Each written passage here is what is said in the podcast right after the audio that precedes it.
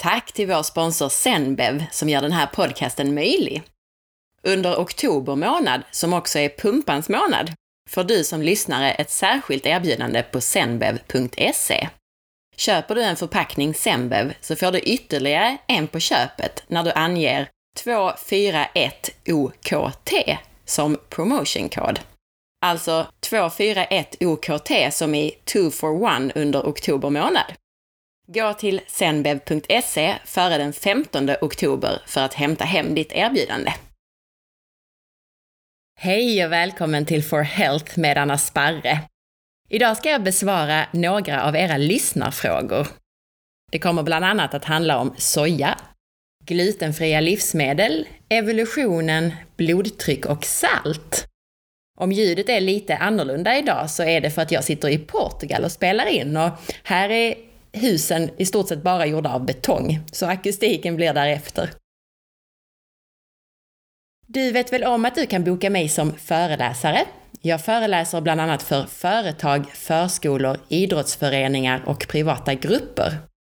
Det kan vara en generell intresseväckare eller på ett tema som ni önskar. Om du gillar det här avsnittet så blir jag jätteglad om du vill dela med dig av det på Facebook eller på Instagram eller till en vän. Tack på förhand!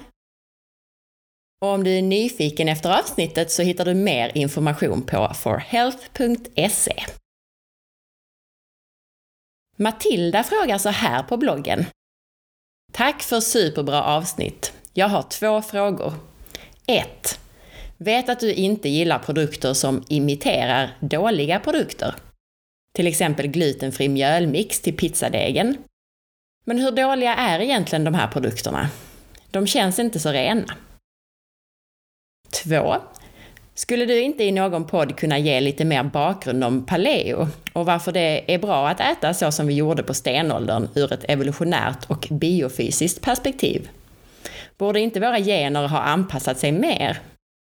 Och effekterna av förändringen till liv idag, mer stress och stillasittande, borde ju rimligtvis tas höjd för i kosten. Du brukar vara bra på att förklara saker och ting så att man förstår. Tack snälla! Hej Matilda! Jag kommer att ge dig de korta koncisa svaren här idag. Och nej, jag gillar oftast inte imitationerna, men det beror på att de i så fall har en ganska vedervärdig innehållsförteckning. Just vanliga glutenfria produkter innehåller oftast dåliga mjöler, så som majs och rismjöl till exempel. Som också är en sorts spannmål och som också innehåller mycket och snabba kolhydrater utan mycket näring. Dessutom så innehåller de oftast dåliga fetter och mycket konserveringsmedel för att de ska hålla i affären, trots att omsättningen av de här produkterna är mindre än det vanliga gluteninnehållande brödet till exempel. Så ät då hellre naturligt glutenfritt, alltså mat som inte normalt innehåller gluten, om du förstår vad jag menar. En avokado är naturligt glutenfri till exempel. Sen finns det bättre produkter, såsom pasta gjord på kelp, alltså en sorts alger, som man kan köpa i hälsokosten. Men mitt svar kommer alltid att vara att läsa innehållsförteckningen. Förstår du vad som står där? Annars kolla upp det eller köp inte. Tycker du det som står på innehållsförteckningen är okej, okay, så köp, men annars inte.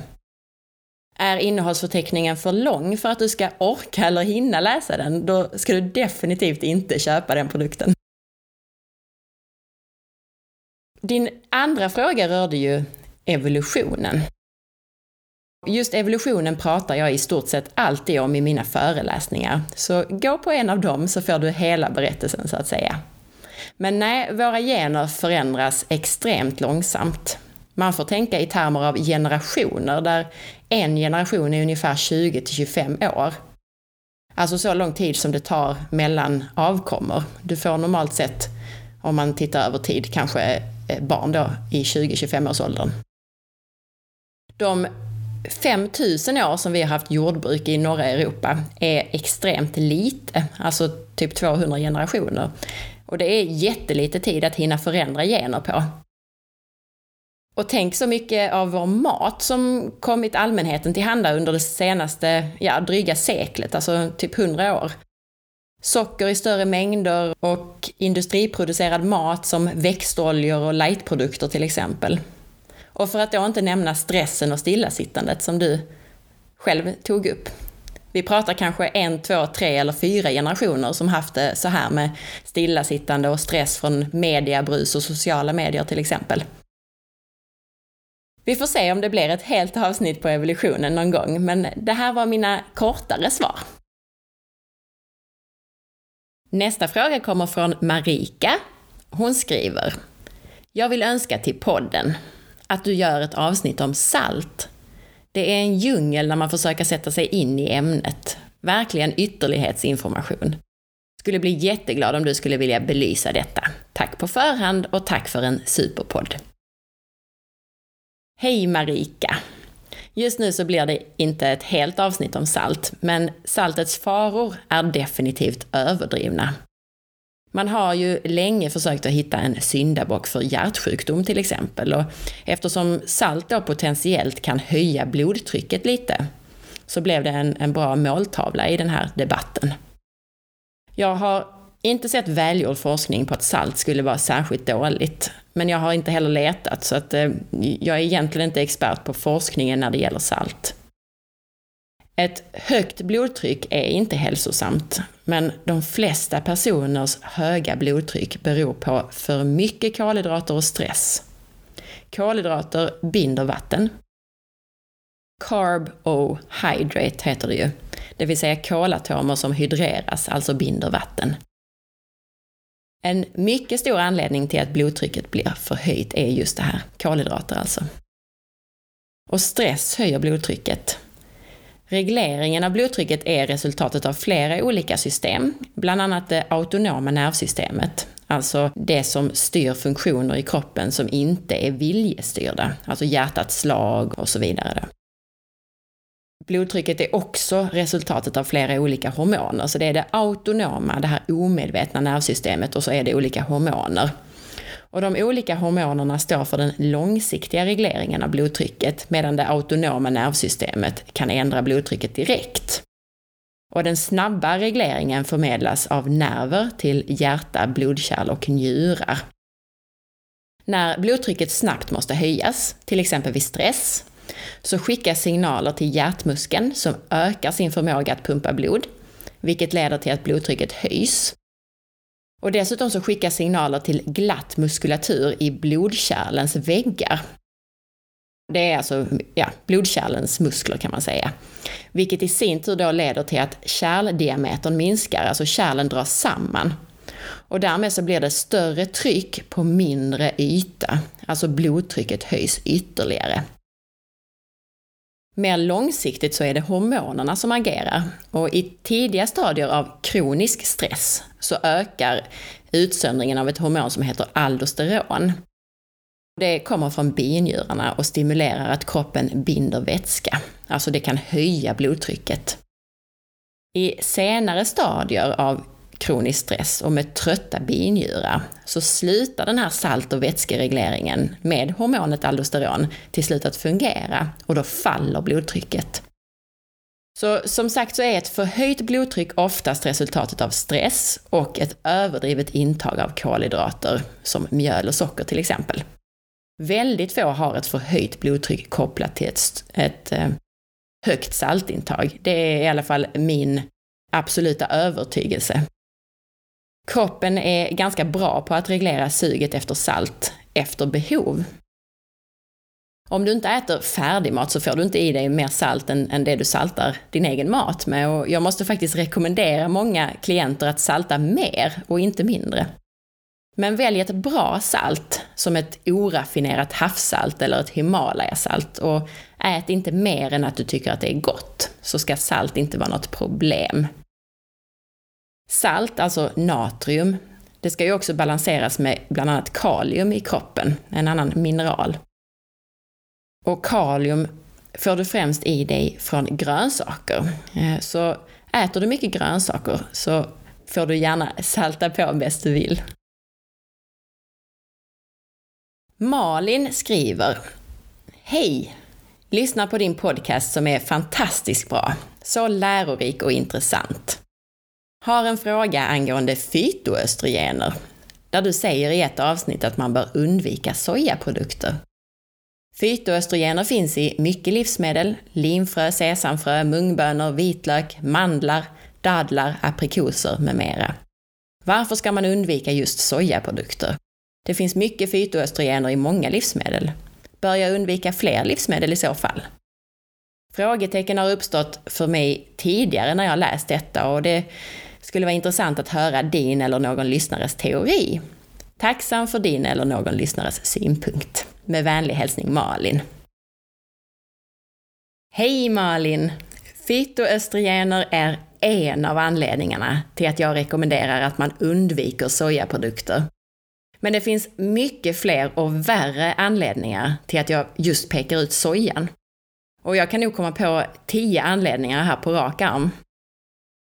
Dels så är vi inte anpassade till att äta soja, så många har allergi eller överkänslighet mot sojaprotein. Det fungerar på liknande sätt som med andra spannmål, jag kallar faktiskt soja för spannmål. Alltså gluten till exempel och även med mjölkprotein, att, att vi är inte anpassade till att äta det och det visar sig i överkänslighet. En annan anledning eh, är att det innehåller rester från framställningen, starka kemikalier som används för att extrahera sojaprotein. Man extraherar sojaprotein med mycket tveksamma ämnen, hexan, så kallad extraktionbensin, som högst sannolikt finns kvar i någon mängd i slutprodukten, men inte måste deklareras på innehållsförteckningen. Och sojabönan innehåller liksom andra fröer och bönor mycket fytinsyra som hindrar upptaget av mineraler. Soja hämmar dessutom ett enzym som behövs för produktion av hormonerna T3 och T4, alltså de här sköldkörtelhormonerna.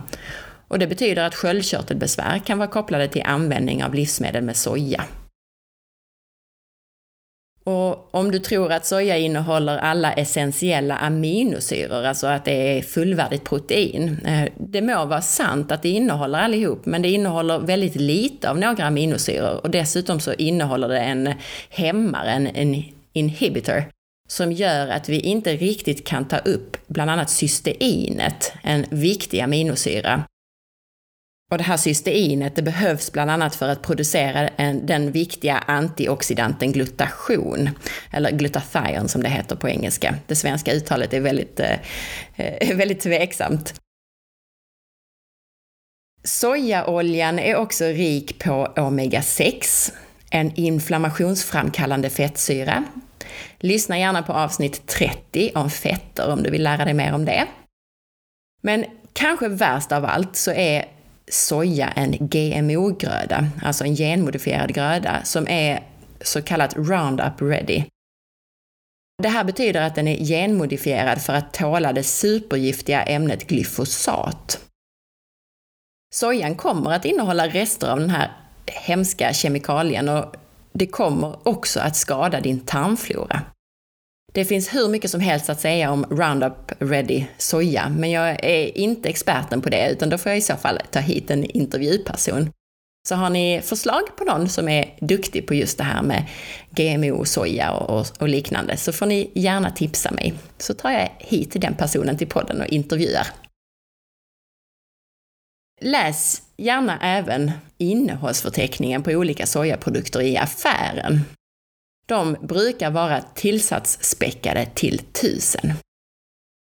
Jag vet inte riktigt hur många anledningar jag har kommit upp till hittills, men jag är nog snart uppe i tio tror jag. Men vet ni vad som händer när man ger soja i fodret till djur? I en studie på odlad lax till exempel så ersätter man 80% av fiskoljan i fodret med växtoljor. Möss fick äta lax som antingen var utfodrad med oliv, raps eller sojaolja. Mössen som fick den lax som var utfodrad med soja visade inom 10 veckor tidiga tecken på diabetes och fettinlagring i levern. Fettlever alltså. Så det här var en rad andra anledningar till att verkligen undvika sojaprodukter. Sojabönan innehåller dessutom relativt mycket fytoöstrogen, alltså kvinnligt könshormon i växtform kan man säga. Och det verkar ställa till det i kroppen. Man tror att fytoöstrogener är delvis ansvariga för att små tjejer, alltså barn, allt oftare hamnar i puberteten för tidigt. När det gäller fytoöstrogener i soja jämfört med andra produkter så är jag inte expert på det, men vad jag vet så är det främst i baljväxter, det vill säga bönor som till exempel soja är, och en del i grönsaker, nötter och fröer. Och där är soja vanligtvis den källa som är störst eftersom det både har en hög koncentration av fytoöstrogener och så är det vanligt att man får i sig det i stor mängd, till exempel i sojamjölk. Även om det finns fytoöstrogener i sesamfrön så är det inget man får i sig i någon större mängd. Men fullkorn innehåller en del fytoöstrogener, så det är ytterligare en anledning att undvika spannmål. Det var de frågorna jag tänkte ta upp i dagens avsnitt. Och tack snälla för alla era frågor som ni lämnar i kommentarerna på bloggen på forhealth.se. Jag tog inte med alla frågor idag, men jag försöker beta av dem efterhand. Jag vill också understryka att jag inte kan ta emot frågor i e-mail, utan skriv dem på bloggen om ni vill att jag tar med dem i podden. Har du personliga frågor och vill boka rådgivning så är du jättevälkommen att mejla mig, men annars så kan jag inte besvara frågor via e-mail tyvärr. Om du gillade podcasten så glöm inte att dela med dig till din vän eller familjemedlem. Eller varför inte på Facebook? Det finns över 50 avsnitt att lyssna på och ju fler lyssnare, desto större möjligheter har jag att göra bra nya avsnitt och att få hit intressanta intervjupersoner för er att lyssna på. Tack på förhand! Missa inte heller att följa med på facebook.com forhealth.se och på Instagram under signaturen asparre. Gå gärna in i iTunes och lämna betyg och recension.